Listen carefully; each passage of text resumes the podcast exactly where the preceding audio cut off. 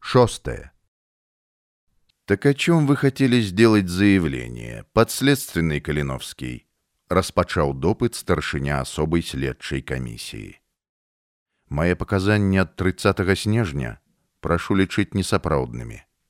Толькі ноччу я ўспомніў, што па тых адрасах, што я сказаў, ніколі і не пражываў.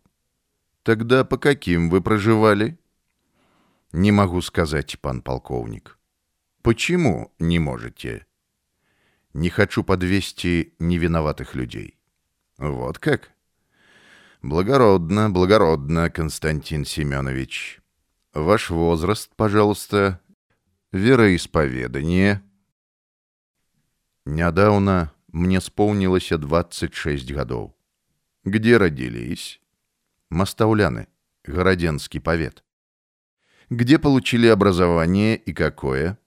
Скончыў свіслацкую гімназію. Потым універсітэт у Петербурзе. Скончыў камеральнае аддзяленне юрыдычнага факультэта, маю ступень кандыдата. Уставіў свое пытанне и поручник Гогель. Это прекрасно, что вы получили в России такое замечательное образование. Тем более должны понимать, что вы по своей воле стали государственным преступником. А какими науками вы увлекались больше всего? Кастусь поглядел на Миколая Валерьяновича. А гэта мае якія-небудзь адносіны да нашай тэмы? Мае і вельмі вялікія, прамовіў нечакана Гогель на беларускай мове. Нам цікава пачуць усе падрабязнасці ад вас. З задавальненнем адкажу на вашее пытанне, раз вы ўжо загаварылі са мной на маёй мове. Адказваю. Захапляўся класічнай нямецкай філасофіяй і заходнееўрапейскім сацыялізмам. Вывучаў і вельмі глыбока гісторыю славянскіх народаў. Магу вам растлумачыць, адкуль пайшло ваше прозвішча, але вы можете пакрыўдзіцца на мяне. Э, потом, как-нибудь потом. Подследственный Калиновский, звернулся до его капитан Семенов. Вы входили в состав общества «Земля и воля»? Не, не уваходзіў. Запрашалі. Але не было часу тым займацца. Вучоба патрабавала аддаваць ёй шмат часу. Таким вот образом вы отблагодарили царя-батюшку, что он вам, жителю северо-западного края, предоставил возможность получить высшее образование. И там, значит, изучая историю славянских народов и западноевропейский социализм, вы стали врагом самодержавия? Калиновский усмехнулся. Чаму ж там? Калі яшчэ вучыўся ў свіслацкай гімназіі, брат Віктор гэтаму пасадзейнічаў. І не толькі ён. Уладыслаў сыракомля раскрыў вочы на многія рэчы. То потым ужо сталі маімі настаўнікамі і кумірамі Тарас Шаўчэнка, Герцэн, дабралюбаў, агароў, гарыбальдзі. Утварылася нядоўгае маўчанне. Нешта шапнуў шалгунову на вуха Гогель. Полковник згодно кивнул головой. «Скажите, Константин Семенович, а после Петербурга куда вы направили свои стопы?» Калиновский нейкі час раздумваў, як бы ўспамінаў свае шляхі дарогі. Адказаў. У Петербурзе на працу ўладкавацца не ўдалося, таму я рашыў у 1861 годзе вярнуцца на радзіму. Думаў, што тут мне пашанцуе ў гародні, але мне было адмоўлена ў працы. І я заняўся стварэннем рэвалюцыйных арганізацый. Почему же вы очутились в Вильно? Что вас заставило приехать сюда? С той простой прычыны, што чыноўнік адзін папярэдзіў мяне аб тым, што гарадзенскі начальнік выдал распоряжение об моим арыште. Тогда у вас, получается, всюду друзья или ваши агенты? Так, яны паўсюдна. нават і сярод вашых жандараў. Шалгуноў шчыра здзівіўся. Не может этого быть, Константин Семенович. Наговариваете вы на представителей нашего ведомства. Може, и наговорваю, полковник. Усё може быть. Ладно, оставим эту тему. Двигаемся дальше. Нам интересно будет узнать, в каких должностях вы были причислены к революционным событиям. Желательно последовательно, одно за другим. Кастусь потер пальцами лоб, нахмурыўся. Разважаў, што для іх можна раскрываць, а што не. З чаго пачаць, не ведаю. С універсітэта і начніце. Добра. Тады 1856 год. Я стаў кіраваць левым рэвалюцыйным крылом зямляцтва студэнтаў універсітэта. У асноўным тымі людзьмі, якія нарадзіліся ў Беларусі, літве і Польшчы. У наступным годзе стварыў і пачаў кіраваць рэвалюцыйнай арганізацыяй у гародні. Яшчэ праз год улетку чалец камітэта руху тут у вільні стаў рэдактарам, аўтарам і выдаўцом мужыцкай праўды. А восенню мяне абіраюць старшынёй паўстанцкага літоўскага правінцыйнага камітэта. У сакавіку у наступным годзе рэвалюцыйным камісарам гарадзенскага ваяводства. Праз два месяцы паўстанскі цывільны начальнік гарадзенскага ваяводства. Праз месяц сябра паўстанцкага аддзела літвы і адначасова кіраўнік аддзялення ўнутраных спраў. У наступным месяцы узначаліў чырвоны жонт. Вы это называете повстанческим национальным правительством Литвы и Беларуси? Так. Вы ўсё правильно разумеете, полковник. А прикидывалися, что не разумеете нашего диалекту. Значит, в ваших руках была сконцентрирована вся революционная власть. И от вас исходила главная угроза. Тогда вас не напрасно называли диктатором. И еще называли королем Литвы и Белоруссии, подказал, глядячи на полковника, поручник Гогель. «Ого!» — подивился Шалгунов. «Король? Это уже серьезно!» У меня вопрос, прамовіў капітан Сямёнаў, які да гэтага ў асноўным маўчаў. Раз у вас была вся полнота власти, то от вас исходили инструкции для бунтовщиков, приказы, циркуляры и так далее. Это действительно так? Сапраўды так. Не могли бы вы их перечислить? Ды тых документаў сотни и сотни. Найперш была выдадзена інструкцыя літоўскага правінцыйнага камітэта для павятовых і акруговых начальнікаў.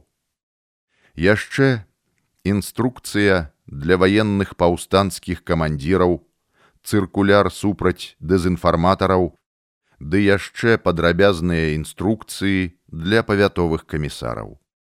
Але я лічу, што адным з галоўных дакументаў быў загад да народа літвы і беларусі ды адозва з заклікам да ўсяго народу і да вашага расійскага падымацца на рашучую барацьбу супраць душителяў свабоды і прыгнятальнікаў вас причислили к диктаторам а к террористам вы имеете отношение пытанне задаў паручнік гогель не проста спытаўся чакаў адказу здзейсніць замах на цара удакладніў са здзіўленнем кастусь з бомбай на аўгусцейшага монарха да нет вот передо мной воззвание к усилению революционного террора по стилю авторство принадлежит вам вы не помыліліся поручнік далучыце да яго і мой загад гарадзенскага камісара Тогда, может, вы автор и постановления революционного трибунала о смертной казни? о смертной казни предводителя дворянства Виленского края господина Александра Домейка и использовали для этого убийц-кинжальщиков. Мы яго объявили здрадникам радзімы і паставілі па-за законам. Шалгуноў загарнуў папку, якую вывучаў, спыніў погляд на вязню. «Понятно, арестованный Константин Семенович. В Гродно вы не нашли себя, приехали в Вильно. Что скажете об этом периоде?» Зноў задумаўся дыктатар паўстання, кіруючыся толькі адным. Не нашкодзіць бы сваімі прызнаннямі тым, хто застаўся на свабодзе. Можна нагаварыць ім і лухты, але няхай ведаюць, што паўстанне сапраўды рыхтавалася грунтоўна і прафесійна. Вільня, вільня. Найперш я сустрэўся са сваімі знаёмымі і сябрамі па універсітэце. Адшукаў інжынера шляхоў зносін Уладзіслава Малахоўскага. Ён жа з'яўляўся і кіраўніком партыі чырвоных. А ён мяне накіраваў да Нестара Дюлерана, які служыў на чыгунцы. Нестар і выдаў мне дакументы на імя Макарэвіча. А ён, у сваю чаргу, звёў мяне за нуфрыем духінскім, які пазней быў прызначаны паўстанцкім ваяводам у гарадзенскую губерню. Калі ануфрый падаўся ў гародню, то я адразу паехаў у Беласток. І быў у мяне пашпарт на імя чарноцкага я атрымаў ад дюлерана загад сабраць звесткі аб колькасці паўстанцкіх атрадаў, колькі групавалася ўсіх касінераў. Вы же не один поехали в Белосток, не так ли? Кто был с вами? Назовите имена командиров тех отрядов. За тры гады я пазабываў усіх. Ды і ў мэтах сакрэтнасці мы не ўжывалі прозвішчы, а толькі мянушкі ці псеўданімы. Напрыклад, круцель, гогель. А почему гогель? удакладніў капітан Сямёнаў. А гогель на мясцовым дыялекце репейнік, што азначае плевелы, пустазелле, дзядоўнік. Не пытайтесь меня оскорбить, пакрыўджана прамовіў паручнік Гогель одной ногой в могиле, а ерепенится. Невядома яшчэ паручнік, хто раней туды сыдзе. Хватит, перапыніў яго Гогель. Отвечайте на поставленные перед вами вопросы.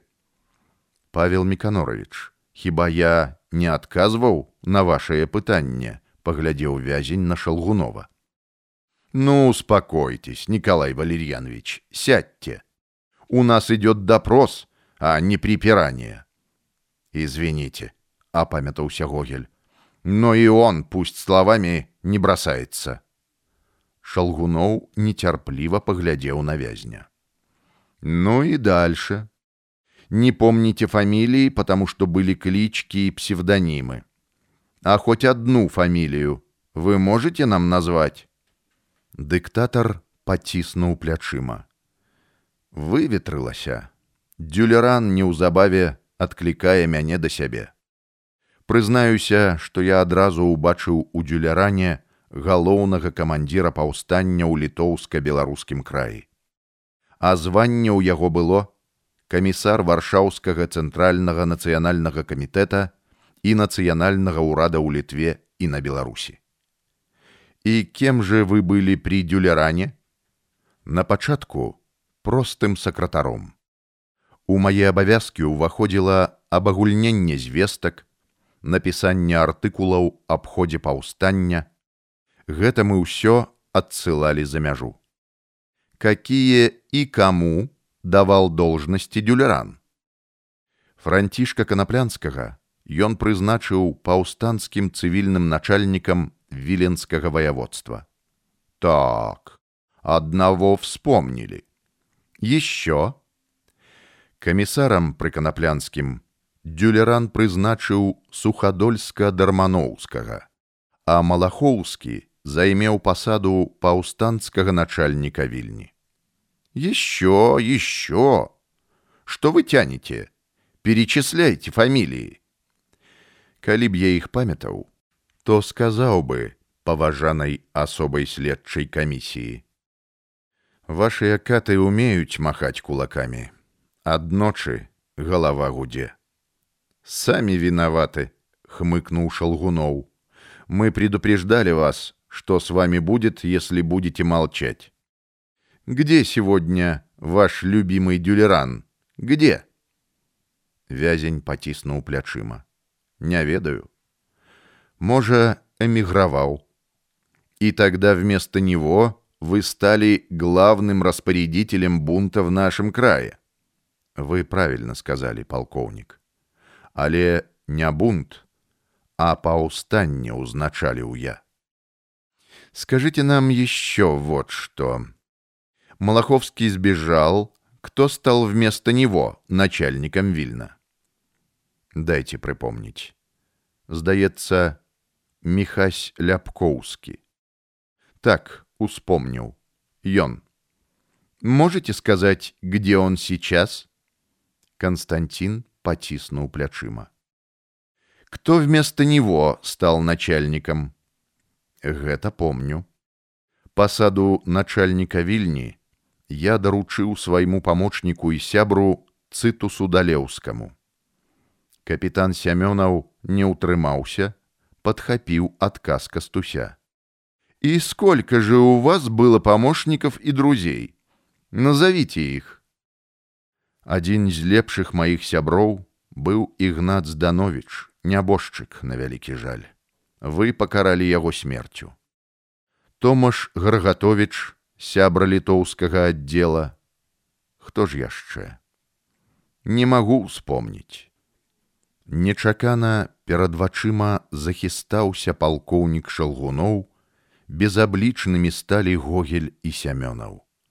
Стала цяжка дыхаць, заванітавала.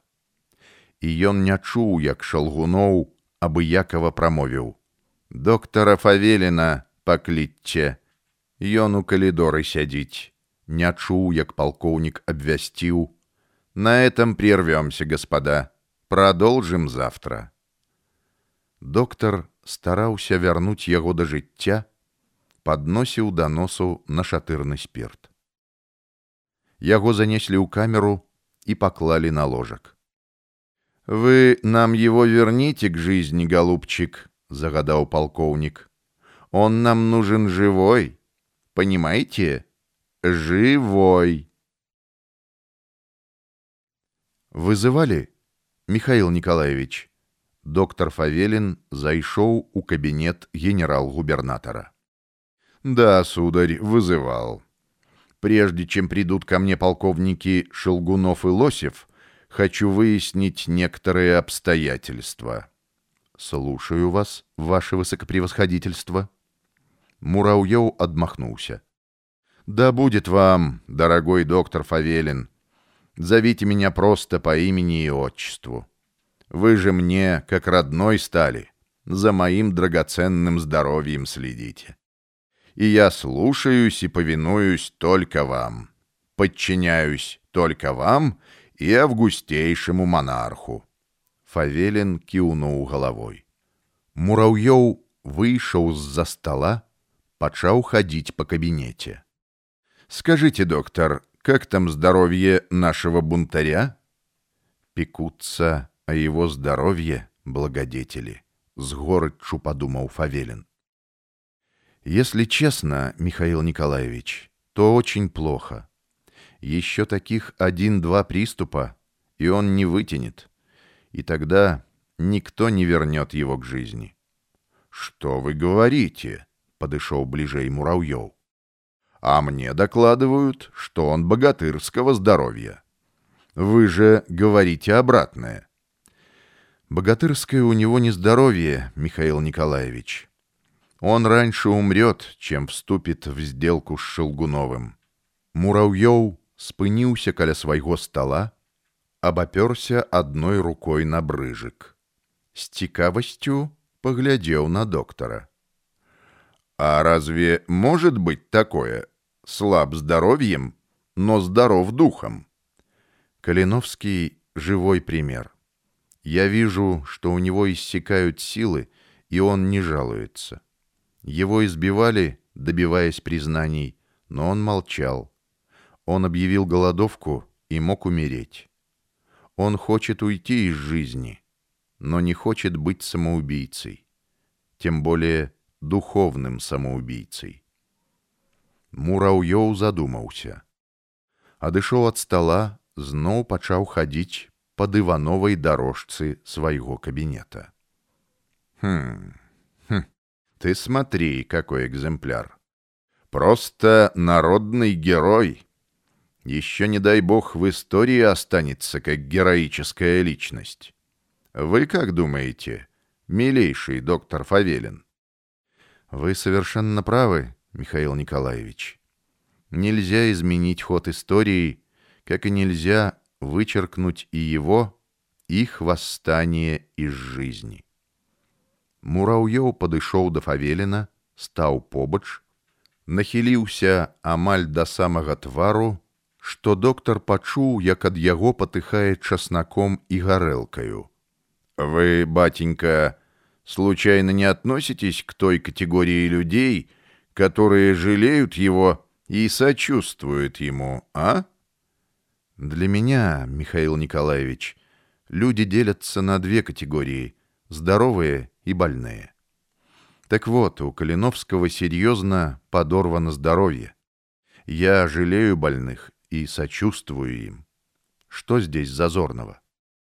Да-да, вы совершенно правы. Прошу простить меня, перамяніў тон Мураўёў. Вы доктор, и вам положено иметь доброе и сочувственное сердце.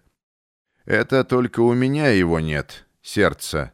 Поэтому и прозвали меня Муравьев-вешатель. Разве не так? Михаил Николаевич, я не хотел обидеть вас. Обидеть? Он вешал и убивал наших солдат и жандармов, а мы должны его жалеть, лечить его, возвращать к жизни, да? бачачы, як генерал-губернатар пачынае налівацца гневам, падышоў да яго, умольна прамовіў: Ваше превосходительство, вам нельзя волноваться, побеспокойтесь о своем здоровье. Успокойтесь, Михаил Николаевич, и не судите меня строго. Мураўёў сутишился. Пожалуй, вы правы, дорогой доктор. Совершенно правы-с. Не к лицу мне из-за какого-то диктатора подрывать собственное здоровье. Все, я успокоился. Дайте, доктор, чего-нибудь успокоительного для закрепления. Фавелин падышоў до столика, на якім стаяў графін з вадой. Узяў шклянку, накапаў туды некалькі кропель, даліў вады. Расчыніліся дзверы, у кабінет зайшоў сакратар нахіліўшыся ў паклоне, абвясціў: Ваше высокопревосходительство, полковники Лосев и Шелгунов. Зовите. Мне выйти, Михаил Николаевич? Да нет, доктор. Секретов никаких нету. А для вас будет интересно услышать, что говорят о бунтаре полковники. У расчыненыя дзверы ўвайшоў спачатку шалгуноў, а за ім лосеў. У іх вачах фавелін убачыў насцярожанасць і сполах. Пераглянуліся, як быццам вырашалі, каму першаму дакладваць. Не зразумелі адзін аднаго і таму пачалі амаль адначасова. Мы в затруднении, ваше высокопревосходительство. Что вы все заладили одно и то же? Сам знаю, что я высокопревосходительство. О деле, о деле мне докладывайте. Удалось вытянуть у диктатора что-нибудь конкретное? Никак нет, Михаил Николаевич. Все вокруг да около, а конкретности ноль. Извивается, как кугарь. Называет те фамилии, которые арестованы или нет в живых, или убыли за границу. Значит, Дурачит вас, я так думаю. Мы уверены, что добьемся своего. Он уже совсем обессилел. Мы его и среди ночи подымаем и допрашиваем. Не даем спать. У него уже заплетается язык. Еще немного, и он начнет говорить. Вот почему он так ослабел, подумал доктор Фавелин. А мне о ночных визитах к нему ничего не говорили. Измором взять хотят, зразумел доктор. Господа, мне не столько нужны фамилии его сообщников, как общая картина подготовительных и организационных работ, направленных на поднятие бунта. Повод к бунту, основания мне более-менее ясны. Когда-то, лет сорок назад, я переменил картину этого северо-западного края, будучи на должности вице-губернатора в Витебске. Местному люду то не понравилось. Как и не понравилось в Могилеве и Гродно, где я тоже был губернатором. Мне твердили о Великом княжестве Литовском, о его статуте, а я им фигу. Нате, выкусите, господа демократы. Монарх отнесся с интересом к моим нововведениям. Действуйте, Михаил Николаевич, вам и карты в руки. Вот и я теми картами и раскладываю до сих пор тот пасьянс. Чтобы развязать мне руки, император издал ряд указов. Мы добились главного. Белорусы постепенно начали забывать себя. К их дереву мы привили такую ветвь, что она и стала основным древом. И крона у него российская. Россия вознаградит вас за эти труды, Михаил Николаевич.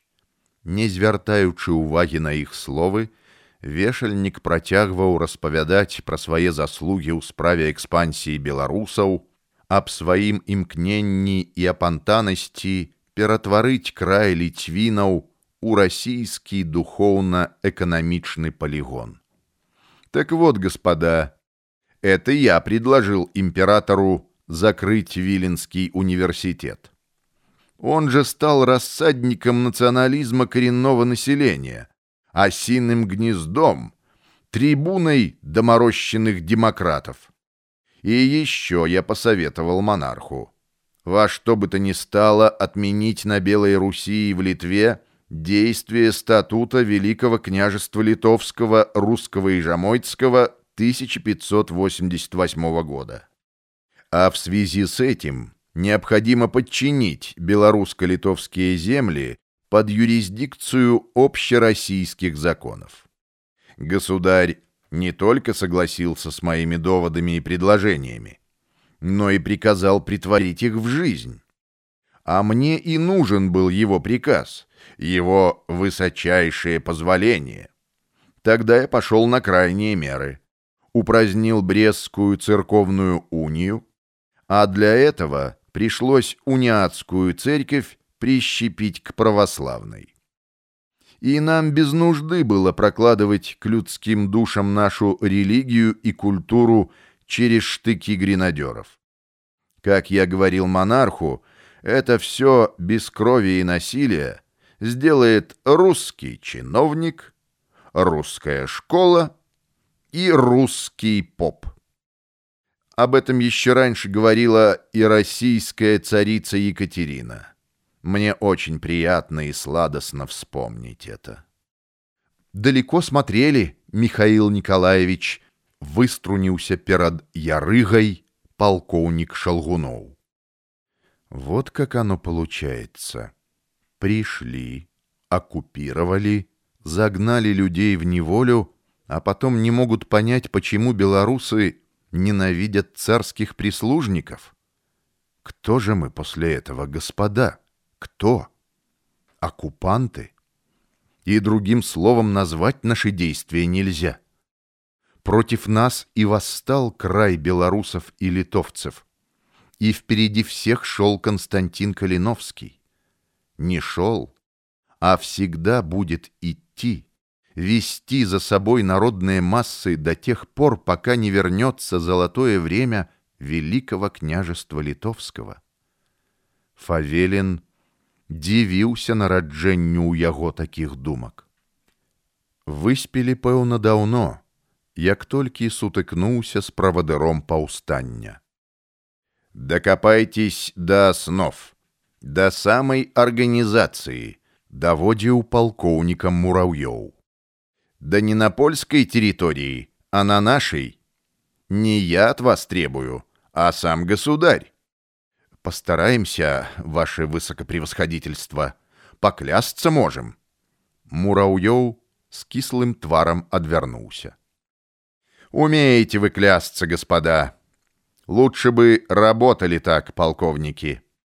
С участниками мы и без него сами разберемся. У нас много податливых бунтарей. Мне нужно главное. Их методы борьбы, конспирация, подробнейшая структура революционных организаций.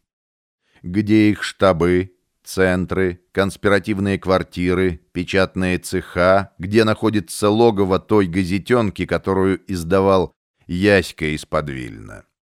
Как они готовили мятежников, где обучали методам ведения борьбы, какие нити тянутся к российским революционным демократам, также к полякам и прочим шведам. А вы спросите, господа, для чего это все, когда бунт подавлен? Я отвечу вам. Чтобы в дальнейшем пресекать, в корне пресекать подобное. Мы имеем опыт по усмирению кавказских главарей, должны уметь это делать и здесь, в этом северо-западном крае. Если вы докладываете мне и говорите, что Калиновский прекрасный практик, то я вам скажу больше. Он еще и прекрасный теоретик революции, надо отдать ему должное. Он притворял в жизнь то, к чему призывал колокол Герцена и революционеры-демократы Чернышевский и Добролюбов. Мне также интересны соображения Калиновского не только о причинах поражения, но и о будущем этого края. Это крайне важно, господа. Может, и не надо так усердствовать в пытках, а подойдите к нему с другой стороны. Разговор продолжите, может, не на следственной комиссии, а в его камере. Предложите кофе, чай, Поговорите с ним, так сказать, тет-а-тет, -тет, по душам. Хорошо, сменим тактику сообразно вашему совету, промовили полковники. И к вам, доктор Фавелин, обращаюсь. Вы ближе всех нас к его душе, боли и страданиям. Обещайте ему что угодно. Расположите его к себе. Прикиньтесь демократом, сочувствующим. Даю вам полный карт-бланш. Да, чуть не забыл. К городскому полицмейстеру полковнику Сарначеву обратилась некая вдова, дворянка Едвига Макритская. Многие в Вильно знают ее как известную филантропку. Она вручила тайно ему некоторую сумму денег, прося, чтобы он посодействовал встретиться с Калиновским с целью передать ему чистое белье, мыло, зеркало, гребешок. И кроме этого, настоятельно просила и о другой встрече с арестованной девицей Марией Ямонт. Лосеў пераступіў з нагі на нагу, выказаў сваю дасведчанасць у гэтым пытанні. Едвига Макритская и в самом деле благородная и чуткая душа, истинная христианка. Но проблема в том, что Макритская — родная сестра матери упомянутой Марии, которая является невестой Калиновского. В самом деле, шчыра подивился Ярыга, и на его твары отбилась радость. Это в корне меняет ситуацию, господа. Боже. И это стало известно Муравьеву, с горычу подумал доктор Фавелин. А это означает, что новые страдания будут придуманы ему. Не знал, не знал, господа, об этом, признался генерал-губернатор. Поэтому мы можем наладить интереснейший спектакль, сыграть, так сказать, ораторию на чувствах влюбленных. Когда полицмейстер признался мне, что он взял деньги у Едвиги Макритской, я одобрил его действия. Посоветовал, кроме устройства свидания, подтолкнуть арестанта Калиновского к переписке, чтобы он пообещал, что его письма сохранятся в строжайшей тайне. И как чувствует себя невеста, Александр Михайлович? Угнетена, ваше высокопревосходительство. Почти ни с кем не разговаривает. Мурауёв усмехнулся, походил по покое. В связи с этим мне думается вот что, Александр Михайлович. Нужно этой невесте создать условия, чтобы она начала метаться, взвыла запросила пощады, чтобы об этом стало известно ее жениху. Посмотрим, как он отреагирует на это, если он действительно любит ее. Это же бесчеловечно. Стиснулись зубы у доктора. Негуманно и жестоко. Как же мне отыскать Людвику? Где она сейчас? Может, и ее арестовали? Ну что, господа, на этом все. Желаю успехов. Мураўёў падышоў да акна, глядзеў у цемру і думаў, што ж яму прынясе заўтрашні дзень. Гульня з галоўным бунтаўшчыком абяцала быць цікавай.